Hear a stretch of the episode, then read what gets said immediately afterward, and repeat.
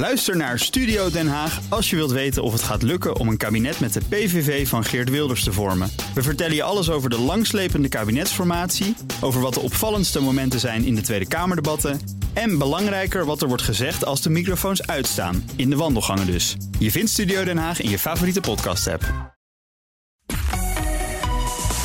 BNR Nieuwsradio. Boekenstein en de Wijk. Hugo Rijksma.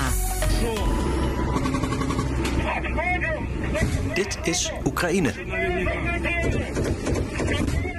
Today the Council En dit is Brussel. adopted uh, the strategic compass during a joint session of the ministers of defense and foreign affairs.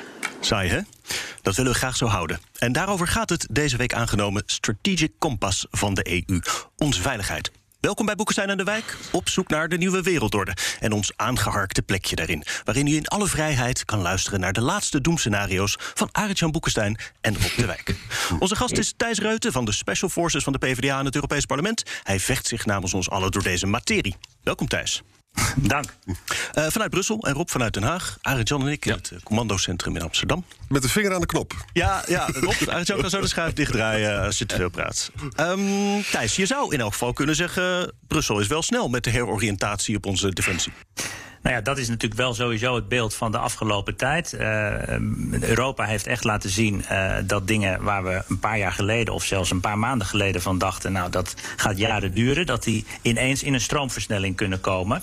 En het strategic compass, het strategisch kompas, is daar een voorbeeld uh, van. Alhoewel er natuurlijk al twee jaar gewerkt werd. Hè. Ja. Dat zei Borrell mm. ook bij de presentatie.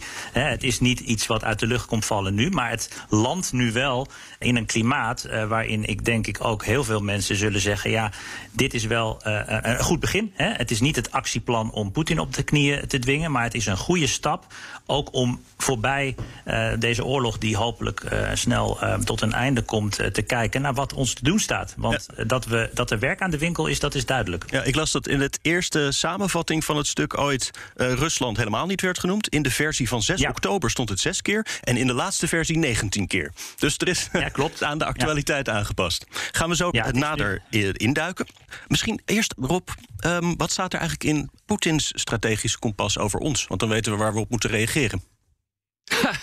nou ja, dat strategische kompas van, uh, van Poetin is denk ik uh, zo langzamerhand wel duidelijk. Het is uh, anti-westers, voelt zich geschoffeerd door de uitbreiding van de NAVO, mindere mate uitbreiding van de Europese Unie, de, de militaire acties die de NAVO heeft ondernomen met of zonder mandaat van de Veiligheidsraad. Nou ja, ga zo maar door. Dus, maar het probleem is natuurlijk, Hugo, dat als je een oorlog begint, dan vervallen eigenlijk al je argumenten die je daarvoor hebt gebruikt dan wordt eigenlijk de teller weer op nul gezet. En dan, begint, dan ontstaat er gewoon een nieuwe situatie. Dus alles waar je begrip op voor kon brengen, wat in de strategische kompas stond van Poetin in de afgelopen jaren. Dat, dat, in mijn optiek vervalt dat allemaal op het moment dat je een oorlog uh, begint. Want het is, als je grieven hebt, dan ga je erover praten in een normale wereld. En dan begin je niet een oorlog. Thijs, jij was bij de presentatie van Borrell deze week. Het is aangenomen door de ministers hè, van Defensie. Moet nog door de Europese Raad uh, vrijdag. Wij spreken elkaar overigens vandaag op donderdag. Uh, maar wat zijn dus de, hoofdpunten van, dat stuk zoals het er nu ligt? Nou ja, het is natuurlijk een, een, een, strategie die over meer gaat dan alleen de huidige dreiging van, van Rusland. Maar die speelt wel een hele belangrijke rol. En wat ik denk dat heel belangrijk is, er zitten vier pijlers in. Die, die gaat ten eerste over dat, dat we weer beter of misschien wel uh, echt moeten zorgen dat we kunnen handelen als conventionele spelers, zoals dat uh, heet. Hè. Dus gewoon hard power, zal ik maar uh, zeggen. Daarnaast is de tweede pijler het veiligstellen van onze democratische waarden. Door bijvoorbeeld ook veel meer in te zetten op het bestrijden van propaganda, desinformatie, cyberaanvallen, manipulatie van verkiezingen. Natuurlijk de laatste jaren ook vanuit Rusland een grote vlucht genomen. Derde pijler is substantiële investeringen. Die zijn nodig om die die hard power waar te maken. En de vierde pijler uh, is uh, de bondgenootschappen, de allianties. Investeren in die betrouwbaarheid van die bondgenootschappen. In de eerste plaats natuurlijk de NAVO. Ja. Thijs, een vraag aan je. Het is allemaal heel goed dat het gebeurt. En het is, je kunt ook van de EU niet verwachten dat het op één dag allemaal gebeurt. Want het gaat jaren kosten om daarin te investeren. Het probleem is dit. Amerika is onbetrouwbaar geworden. Simpelweg omdat Biden niet lang meer zit. Dat duurt nog een paar jaar. Op zijn hoogst. En het is volstrekt onduidelijk uh, wat de Republikeinen gaan doen. We moeten gewoon toch op tafel leggen dat een Trumpist-achtige, een Trumpiaans-achtige figuur of zelfs Trump gewoon terugkomt. Hè. Dan, ja, dan, als ik dat strategische kompas lees, dan, is, dan schiet dat natuurlijk tekort. Hè? Want dan staan we er gewoon echt alleen voor in Europa. Wat, wat, hoe, hoe, kijk jij daar tegenaan? Dus gewoon die, de ellende met, met Amerika die we hebben. Nou ja, ik denk dat de eerlijkheid ook gebiedt te zeggen dat zelfs al onder Obama hè, er een andere uh, een andere wind uh, ging waaien vanuit Amerika. Alleen uh, dat signaal is, en daar moeten we ook eerlijk over zijn. En laat ik ook zelfs naar mezelf kijken wat dat betreft. maar naar, ook naar Nederland. Dat signaal is onvoldoende opgepakt. ook, ook toen al. Ik denk dat, om jouw vraag in te gaan, wat zou er gebeuren als er een Trump-achtige president weer komt? Ik denk dus dat we daar tegen bestand moeten zijn. Dat betekent zorgen dat we in, grote, in grotere mate dan nu het geval is op eigen benen kunnen staan. In de eerste plaats voor onze eigen verdediging. Maar uh, ik denk ook dat wie daar ook zit in uh, de Verenigde Staten, de band en het investeren in die alliantie zal blijven. Alleen we zullen moeten accepteren dat de Verenigde Staten ook uh, naar andere delen van de wereld uh, kijkt. En niet in de eerste plaats alleen maar te hulp zal schieten als Europa dat nodig heeft. We zullen, welke president daar ook zit, meer zelf moeten kunnen. Maar dit kan over 2,5 jaar het geval zijn, hè? Ja. Een, een, een Trump-figuur ja. in het Witte Huis. Dus, ja, en, uh, en, en, en, helaas, is dan het helaas is voor ons? Nou ja, helaas is, uh, en dat, daar hebben jullie het ook heel vaak over gehad, de achterstand uh, natuurlijk uh, in die mate opgelopen. Die we, en dat is inderdaad ook door toedoen van, van naïviteit, van ook politici die misschien geloofden dat het niet meer nodig was om die, om die hard power, die, die, die sterke conventionele poot te hebben. hebben we forse achterstand opgelopen, die inderdaad niet zomaar in een paar jaar is ingelopen. Maar als we niet vandaag uh, beginnen, uh, dan weten we zeker dat het niet lukt. Dus ik ben in die zin ontzettend blij dat nou ja, de inspanningen van, van Borrell, maar ook van alle anderen die hebben bijgedragen, nu in een, ja, ja, dit klinkt een beetje vervelend om dat te zeggen in een situatie van oorlog in Europa, maar in een vruchtbare bodem vallen. Mm -hmm. Ik ben in ieder geval ook bereid om wat dat betreft verder te denken dan wat we met elkaar misschien een paar jaar geleden dachten. We moeten dit doen doen. Simpelweg omdat uh, uh, niet alleen onze veiligheid, maar daarmee dus ook onze waarden, dat waar wij uh, zo zuinig op zijn in Europa, op het spel staan. Thijs, een tweede vraag. Ik heb twee jaar geleden een, een lezingreeks gegeven aan de defensieindustrie in Europa. Hè. Ik ben me kapot geschrokken. De defensieindustrie is een, is een uitzondering van uh, het verdrag van Rome. Dat betekent dus dat het ja. allemaal protectionistisch. Hè? Dat betekent dus dat het gevolg daarvan, dat, van dat beleid van de afgelopen 50 jaar, zeg maar, is dus uh, replicatie. Hè? Gewoon uh, 25 miljard wordt verspild. Interoper interoperabiliteit is gewoon ja. bedroevend. Daar moet dus echt letterlijk een soort Marshallplan komen. Er moet, er moet concurrentie komen in die defensiemarkt. Die vreselijke uh, link tussen nationale regering en nationale industrie moet worden doorbroken. En dat wordt een helse taak. Ik heb het wel eens ook gezegd tegen Marco dat dit moet gebeuren. Ik kijk me toen glazig aan. Van ja, dat, dat ga ik allemaal niet doen. Maar dit is echt een, een suboptimaal gebeuren. Als dat niet ook ja. op, op het niveau van de industrie wordt aangepakt, dan blijven we gewoon een soort. Ja, een uh, oude man blijven we dan. Ja, kijk, ik ben het daar helemaal mee eens. Ik heb in een ver verleden uh, als, als beleidsmedewerker in de Tweede Kamer aan defensiematerieelprojecten uh, gewerkt. Oh, nou, we zijn, uh, we, zijn geen steek opges we zijn geen steek opgeschoten in 20 jaar. Hè, dat zijn natuurlijk ook dingen waar jullie het ook vaak over gehad hebben. Ik bedoel, de Helsinki Headline Goals. Hè, het stond allemaal al lang op papier. Hè, maar er is nooit daadwerkelijk uitvoering aan gegeven. En ik denk dat dat ook een taak is. en ik neem die taak ook op mij als lid van het Europees Parlement. Dit stuk mag nu niet. Dit is een eerste stap. Hè. Dit is geen totaaloplossing voor alle problemen. Maar dit is een eerste hele goede stap. Maar dit mag niet een holle. Uh, stuk blijven. Zeker niet als over een paar maanden de aandacht misschien uh, weer uh, wat, wat verslapt is, op andere dingen gericht is. We moeten scherp blijven op die implementatie ervan. En vooral op dit laatste punt: van dit is de Achilleshiel van elke investering die je doet. Ten eerste moet je het samen doen en zorgen dat je die, uh, die capabilities, die capaciteiten inderdaad ook met elkaar kunt inzetten, die interoperabiliteit. Maar het moet natuurlijk ook efficiënt. Dat zijn we verplicht aan onze belastingbetaler. En wat, wat Borrell ook zei bij de presentatie: het aantal projecten wat echt gezamenlijk is uitgevoerd is op de vingers van één hand te tellen. En misschien zelfs dat niet eens.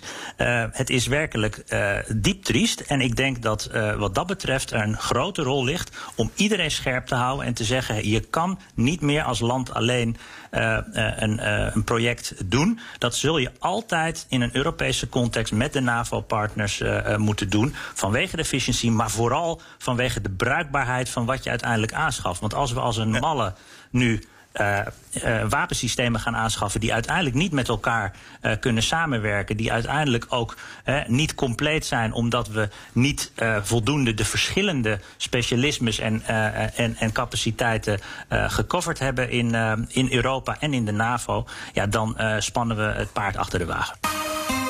BNR Nieuwsradio. Boekenstein en de Wijk. Op zoek naar de nieuwe wereldorde. Dit is Boekenstein en de Wijk. En dat programma is natuurlijk niet zonder Arjan Boekenstein en Rob de Wijk. Abonneer je op de podcast en krijg ook onze dagelijkse updates. Mijn naam is Hugo Reitsma en onze gast is PvdA-europarlementariër Thijs Reuten. En als u misschien dacht, wat is Rob stil? Zijn verbinding was even weg. Maar Rob, we waren gebleven bij de industrie en wat er op dat punt moet gebeuren nu. Nou, kijk, ik ben een grote voorstander van uh, industriële samenwerking in Europa. Laat daar geen misverstand over bestaan. Maar dan moet je dus wel weten wat je dan wil met z'n allen. Wat, uh, bijvoorbeeld welke capaciteiten gaan we ontwikkelen? Nou, als je naar uh, dat strategisch kompas ziet, dan, dan ademt dat eigenlijk de oude en de nieuwe wereld. He, dus Rusland is er ingefietst, dat is hartstikke goed. Maar vervolgens wordt er nog steeds gesproken over een, over een interventiemacht van 5000 man. Nou, daar kan je gewoon geen deuk meer in pakken boten slaan als het om dit soort conflicten gaat. Dus wat wat wil je nou eigenlijk als Europa? En waar wil je dan je geld in zetten? Nou heb ik ook gezien dat er een aantal elementen in uh, zijn gebracht. Uh, zoals investeren in zogenaamde strategische enablers. Nou, dat zijn bijvoorbeeld uh, capaciteiten die je nodig hebt om grootschalige operaties uh, te, te kunnen leiden. Of uh, satellietcapaciteit voor hm. commandovoering of communicaties. Daar zul je dus in moeten gaan investeren. Dus waar is het nou op gebaseerd? Is het nou gebaseerd die investering op die 5000 man, wat niks is? En waar je misschien een, een kleine evacuatieoperatie à la uh, Kabul mee kunt, uh, kunt uitvoeren? Of is het nu gewoon een echte bijdrage aan een Europese defensiecapaciteit, waarmee je ook echt een bijdrage kunt leveren, bijvoorbeeld aan de versterking van de NAVO? Nou, ik zie hem er niet in staan. En dat is het grote probleem van dit stuk. Hm. Thijs? Nou ja, ik ben het daar in grote lijnen mee eens. Ik denk die, het getal van 5000 uh, uh, manschappen is, is ook al een heel oud getal. En in mijn optiek te weinig. Dat mag van mij wat groter.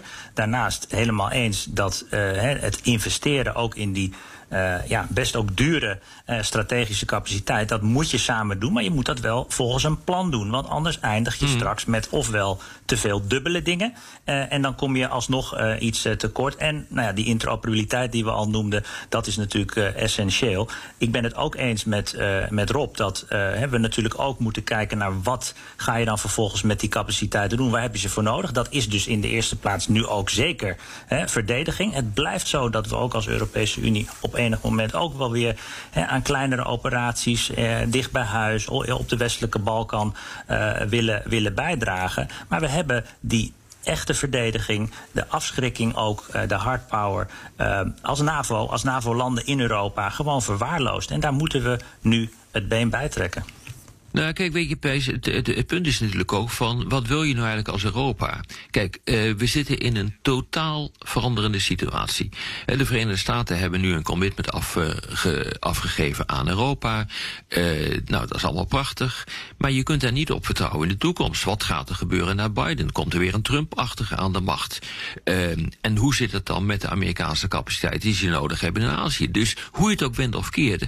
als je nu zegt van, dat zeg jij niet hoor... maar als je dus nu nu zeg maar zou zeggen van nou alles is weer koekenij, de Amerikanen zijn er definitief bij betrokken. Dat is gewoon niet zo. de, een van de redenen waarom uh, Biden absoluut geen oorlog uh, wil hebben in Europa, is omdat hij zijn spullen heel hard nodig heeft uh, in Azië tegen China. dus dit hele dilemma zie ik gewoon niet terug in dit, in dit document. Dit document aan wat mij betreft nog steeds dus te veel de situatie van voor de Oekraïne-oorlog. Ja, nee, maar, eens. En ik, maar ik, denk, ik, heb, ik zei ook al, dit is, dit is niet, niet het antwoord op, uh, op, de, op, de, uh, op Poetin. Het is ook niet het antwoord op alle achterstanden en, en, en tekorten die we, we hebben opgelopen. Maar het is wel een goede eerste stap. En de devil is in de uitvoering. De devil is in de uitvoering. Ja. En daarom denk ik ook, en die rol die wil ik echt op me nemen. We moeten nu de lidstaten vooral scherp houden. Want de, de, de geschiedenis van de Europese Unie laat zien dat we. Nou, zeker de laatste tijd, dat we in tijden van crisis ontzettend goed en snel kunnen reageren. Uh, ik bedoel, wat, wat we uh, eerder met Belarus deden, dat hebben we nog eens een keer uh, overtroffen met Rusland. Hartstikke goed. Maar de geschiedenis leert ook dat zodra de aandacht weg hebt, zodra we met elkaar weer zeggen: oké, okay, nou ja, goed, hè, goed, goed gewerkt, dan gaat iedereen ook weer met zijn eigen dingen aan de slag. En dan is er van die eenheid, die we, die we juist zo nodig hebben nu, misschien wel al snel niets meer te merken. En dat zou in dit geval ontzettend slecht zijn. Te meer ja. omdat dit dus over meer gaat dan alleen die verdediging. Hè. En dat denk ik ook dat het belangrijk is om, om, om in het oog te houden. Maar in de eerste plaats staat nu voorop investeren. Zorgen dat we, dat we zaken weer op orde hebben. Dat is wel een belangrijke. Eén punt hier nog over. Dat is wel echt belangrijk. Investeren. Maar waarin dan? Dus ook de, de Nederlandse regering heeft in, een, in de laatste nota die nog in het vorige kabinet is geschreven, door het vorige kabinet is geschreven, gezegd we moeten de basis op orde krijgen. Maar zonder ja. uit te leggen wat dan, wat dan de basis is die op orde moet uh, krijgen en voor welk conflict. Ja. dus wat er nu gebeurt vergt een totaal andere kijk. Nou ja, ik zie hem hier niet in staan, maar goed, dat heb ik al gezegd. Nee, maar, Sorry, uh, Maar ik denk, ik denk kijk, het was, het was mooi geweest als, uh, als er uh, nu al een, een lijstje zou liggen. Want dan zouden we inderdaad, wat ik zei, morgen in plaats van overmorgen aan de slag kunnen. Maar ik ben ervoor dat we wat dat betreft ook nu heel snel, en als, dat, als dat nodig is, zal ik ook de commissie en, en Borrell daarom vragen. ja, experts bij elkaar roepen. Uh, ja. die uh, ook hierover kunnen adviseren. Maar dan vanuit echt die Europese blik. Dus niet weer ja, vanuit de nationale, ja. nationale overheid. Maar experts van buiten. Mensen die Europees kijken. Die strategisch inzicht hebben. En kunnen adviseren. Dat, ik denk dat dat nodig is. Maar Thijs, die lijstjes zijn er hoor. Ja, die lijstjes zijn er zeker. Ja, ja. Dat, dat is, dit alleen niet in dit stuk. Ja, dit is een heel belangrijk debat. Uh, en je analyse is juist, Thijs. Maar ik wil toch ook graag een politieke analyse hebben. Wij, wij weten, wij kennen de Duitse belangen, we kennen de Franse belangen, we kennen de Britse belangen, die natuurlijk nu eruit vallen, maar er zo echt bijgetrokken moeten worden. Hoe komt het nou dat het strategisch kompas eigenlijk nog zo mager is, juist op het punt van de strategische capaciteiten? Is dat gewoon omdat het allemaal veel te snel is en dat ik veel te ah, ah, dat het toch bureaucratie is, bureaucratie? Of is er ook een groot gevecht uh, tussen Parijs en de rest aan de gang? Wat is er aan de hand? Nou ja, ik denk, hè, maar dat is puur even gewoon mijn uh, uh, analyse uit de losse pols. Uh, dat ook de grote landen, Duitsland en Frankrijk binnen de Europese Unie, te lang en misschien nog wel tot heel recent, misschien nog wel tot een maand geleden, dachten dat zij alleen het ook eventueel indien nodig zouden kunnen. ik heb de hoop dat ook de grote landen, Duitsland, Frankrijk, zich nu realiseren dat zelfs voor hun uh, um, de dreiging, maar ook de opgave die er ligt, te groot is, te complex, te divers ook. Hè. Niet alleen die verdediging, maar ook al die andere nieuwe facetten die erbij zijn gekomen. Dat, dat ze dit echt samen moeten gaan doen. En het is goed dat je ook het Verenigd Koninkrijk noemde. Ik zit ook in de nieuwe delegatie voor de relaties met het Verenigd Koninkrijk. Dit is nou bij uitstek een punt waarop ik vind dat er veel te veel is blijven liggen bij die onderhandelingen over het Brexit-akkoord. We moeten daar niet meer te lang bij stilstaan. We moeten nu aan de toekomst werken. En die toekomst is wat mij betreft ook weer nieuwe afspraken met het Verenigd Koninkrijk over defensiesamenwerking en uh, buitenlands beleid. Um, ik merk dat ook daar bij de Britten nu uh, alweer meer ruimte is. Hè. De sfeer van een paar maanden geleden uh, in die relaties is ook, ook veranderd. Maar ook daarvoor geldt daar moeten we nu de vinger aan de pols houden, bovenop blijven zitten.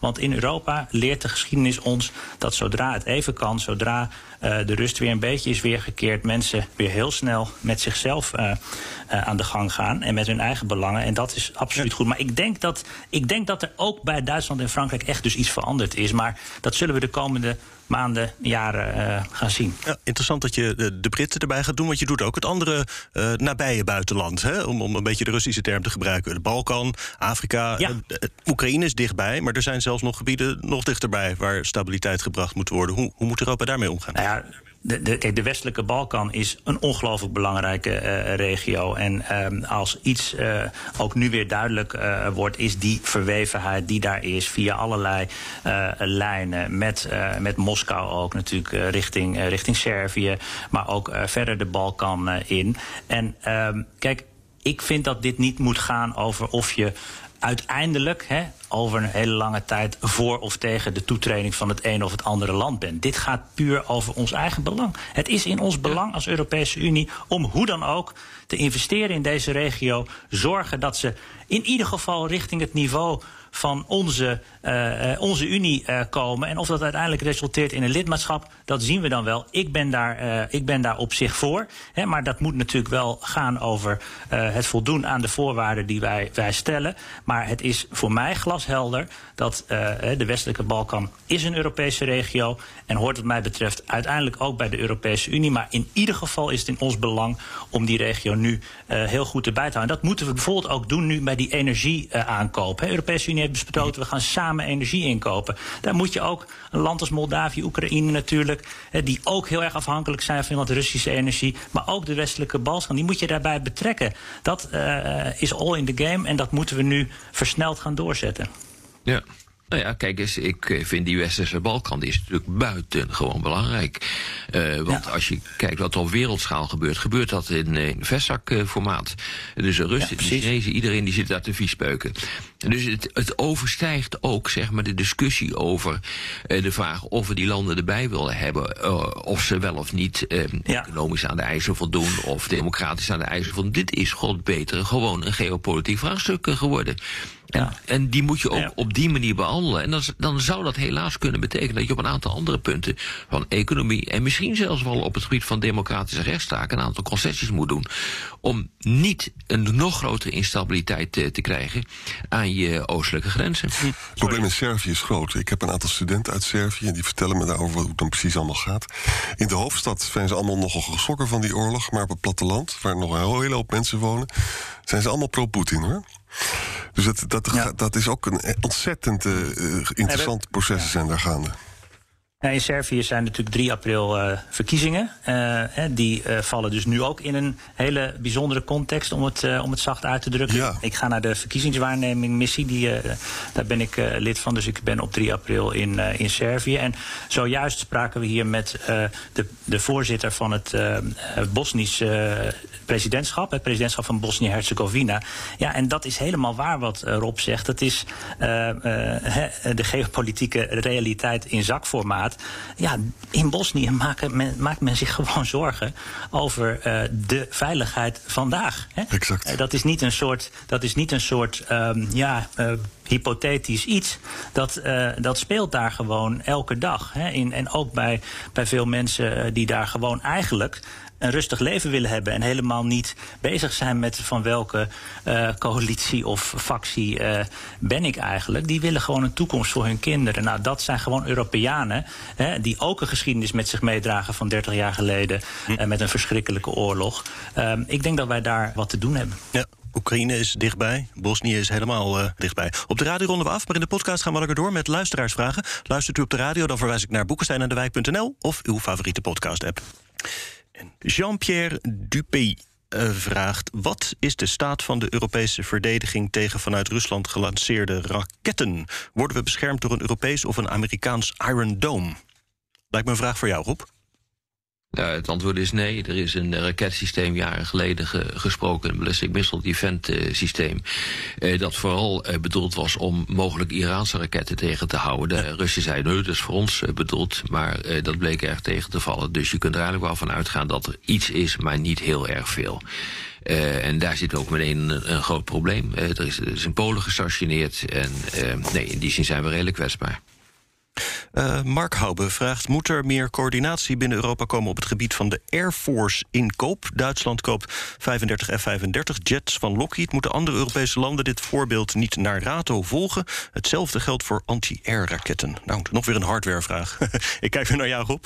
Ja, ja, kijk, ik heb even de getallen niet precies in mijn hoofd uh, zitten. Uh, maar we hebben grote verschillen in tankaankopen, vliegtuigaankopen, artilleriestukken. dat is niet gestandaardiseerd. Dus, en dat is natuurlijk direct gerelateerd aan de nationale in, industriepolitiek die er gevoerd wordt. In Amerika is dat veel meer gestandaardiseerd. Logisch, want dat is gewoon één land. Maar het gevolg is, is wel dat je dus ongelooflijk veel geld over de balk gooit. En jullie hebben het net over die inter interoperabiliteit uh, gehad. Die is natuurlijk cruciaal en die krijg je dus nooit op deze manier voor elkaar. Dus ja, je zal, je zal dus over die nationale belangen moeten heen stappen. En je moet op een of andere manier komen tot een, tot een meer geïntegreerde Europese uh, defensieindustrie. Airbus is denk ik een fantastisch voorbeeld hoe je het zou kunnen doen. Europa heeft 17 verschillende tanks. Dat is natuurlijk vreselijk. Ja. Toen de Duitsers besloten om die F-35 te kopen, hebben ze wel gezegd: we gaan door met het Europese gevechtsvliegtuig. Dat is niet onbelangrijk voor over 20 jaar. Mm -hmm. Um, Wishmaster vraagt: Het moment dat defensie op orde is, is de wereldorde mogelijk al verschoven. Welke schaal van defensie moeten we aanhouden? Hoe duur mag een staand leger blijven? Dat moment van op orde zal na deze oorlog zijn. Op wie gaat dan de verdediging geëikt?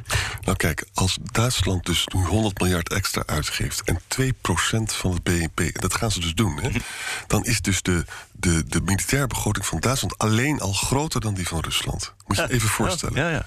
Dus dat betekent, we kunnen een fatsoenlijke afschrikking met elkaar maken. Alleen die, dat Duitse geld moet natuurlijk Europees worden aangewend en interoperabel. En graag ook met een commandocentrum. Dat is een grote opdracht die hier nu ligt. Nee, je moet, Ariel, je moet echt gewoon terug naar de tekentafel. Ja. En dat is ook al wel gebeurd hoor, achter de schermen. Uh, maar je moet uh, heel sterk gaan nadenken van hoe groot is dan die dreiging? Wat heb ik daar tegenover te stellen? Uh, en een cruciale vraag, en ik kom er nog maar eens op terug, is wil Europa ook in staat zijn om zichzelf te verdedigen zonder de Amerikanen? dat, die vraag moet je beantwoorden. Ik begrijp dat zeker nu weer ook politiek die vraag naar voren wordt geschoven. Maar je moet hem beantwoorden. En dat betekent dus ook dat de Europeanen de beschikking moeten hebben over, over middelen, capaciteiten, spullen.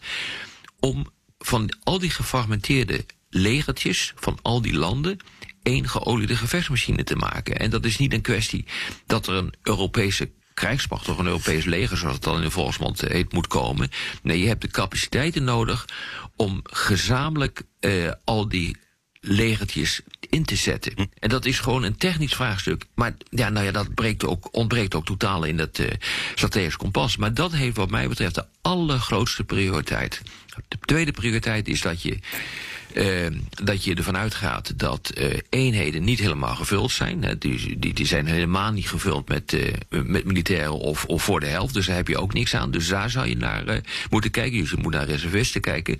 En je moet enorme investeringen doen in lange afstandssystemen. Nou, en precisiewapens, nou, dat wordt ook niet gedaan. Dus kortom, aan dit stuk hebben we op dit gebied helemaal niks. Maar die discussie zal echt absoluut gevoerd moeten worden. En Amerika wil het ook, hè? Ja, zeker.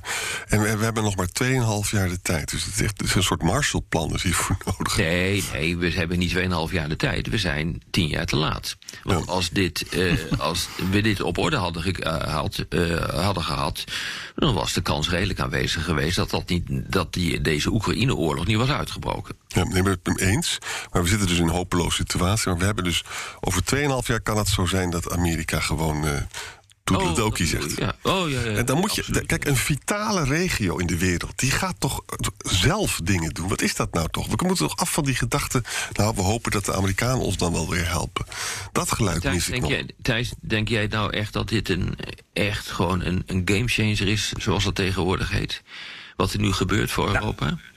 Wat er nu gebeurt, Uh, denk ik wel. Dit, dit strategisch kompas uh, is niet uh, het eindantwoord. Dit is het begin. Wel een hele goede, goede, goede stap. En ik denk inderdaad, ik, ik, ik, ben, ik ben nog niet zo ver dat ik zeg... we moeten, het, we moeten maar helemaal niet meer op, op, op, op de, de Amerikanen rekenen. Ik vind juist dat we ook het transatlantisch bondgenootschap onderdeel moeten maken van wat we zelf hier in Europa doen. Een Europese pijler binnen die NAVO. Ook met respect voor de landen in Europa die niet lid zijn van die NAVO. En ja, uiteindelijk hè, is dit.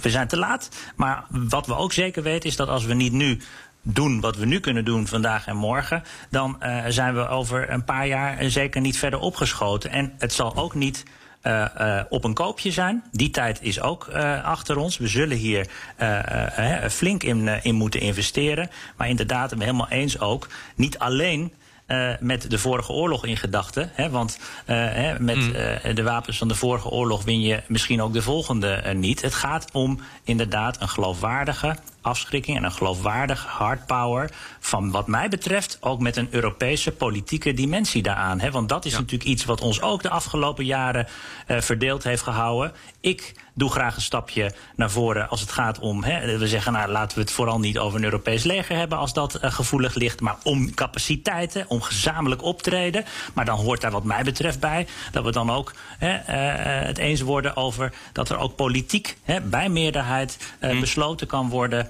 over die buitenlandse politiek van de Europese Unie, die eens. uiteindelijk hier onderdeel van is. Daar is helemaal eens. Een Europese zeil binnen de NAVO zou het mooiste zijn, maar we moeten ook nadenken over het feit dat over, over twee jaar, drie jaar een nieuwe Amerikaanse president is die weer artikel 5 gaat relativeren. Het is gewoon staatsmanschap om daarmee rekening te houden.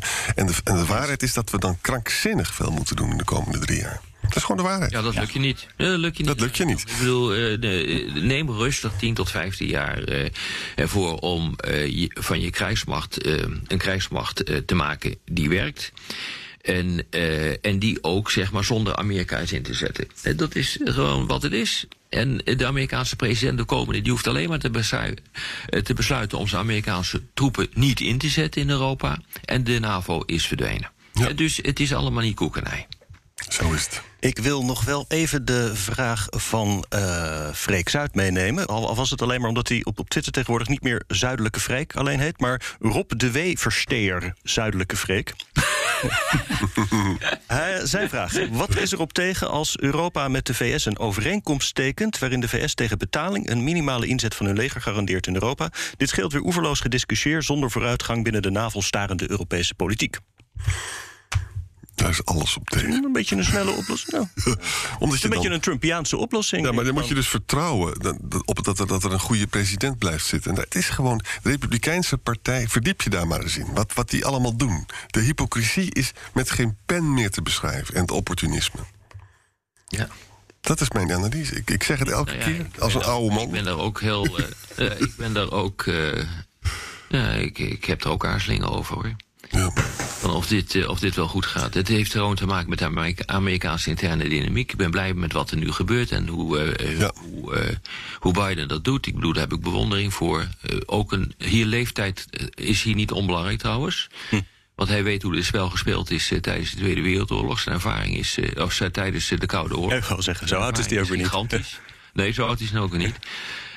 dus zijn, zijn ervaring is, is groot. En dat is niet onbelangrijk nu. Ja. Maar waar, waar, waar, misschien ook even goed realiseer je dat die twee mannen tegenover elkaar staan, Biden en Poetin, die hun wortels hebben in de Koude Oorlog. Ja. En die eigenlijk gewoon nu bezig zijn om dat wat er tijdens de Koude Oorlog niet kon gebeuren, namelijk knokpartijen tussen kernmachten, dat nu wel aan het, uh, aan het doen zijn. En dat is echt heel erg risicovol hoor, wat er nu gebeurt. Maar goed. Misschien gewoon wat minder van die oude mannen aan de macht. Thijs, je nou, bent ook niet zo oud. Ik, Zullen we gewoon zeggen dat nou, er een nieuwe generatie aan de macht kan komen? Nog niet zo oud als, als Joe Biden, nee. Maar ik, maar ik moet wel zeggen, ik ben toch een, een klein beetje positief dan te eindigen. Oh ja, Joe, Biden is nu, Joe Biden is nu naar Brussel gekomen. Uh, best wel uniek. Hè? En voor het eerst een Amerikaanse ja. president die ook de Europese Raad gaat bijwonen. Hè? Dus ja. laten we ook nu vooral werken met de bondgenoten die we nu hebben. En uh, Biden uh, is uh, gecommitteerd ook aan wat Europa. Ik denk ook dat hij namelijk um, waardeert dat Europa nu uit zijn schulp is gekropen, als ik het, als ik het zo mag zeggen. Ja. En over de, over de nabije toekomst. Um, ik denk dat, het, dat we wat dat betreft dus juist alles in het werk moeten stellen om het bondgenootschap nu niet los te laten. in die NAVO-relaties blijven investeren. Niet in de laatste plaats ook met uh, Canada. Trudeau was ook in het Europees Parlement uh, deze week. Uh, het Verenigd Koninkrijk al genoemd. Dat kan allemaal helpen bij, mocht er eh, onverhoopt een president worden gekozen in Amerika die minder op heeft met de veiligheid van Europa. Dat kan allemaal helpen bij het toch zoveel mogelijk uh, ja, in, goed, in de goede richting bijsturen. En helemaal eens, beter vandaag beginnen dan morgen. Hè, want elke dag dat we nu nog wachten met investeren in het kunnen verdedigen van onze eigen uh, uh, waarden en, en onze gemeenschap is een dag, uh, een verspeelde dag. Dank voor die optimistische uitsmijter uh, van ons programma. Dit was weer Boekenstein en de Wijk. Namens Arjan Boekenstein en Rob de Wijk zeg ik dank voor het luisteren. Speciale dank aan Thijs Reuten en tot volgende week.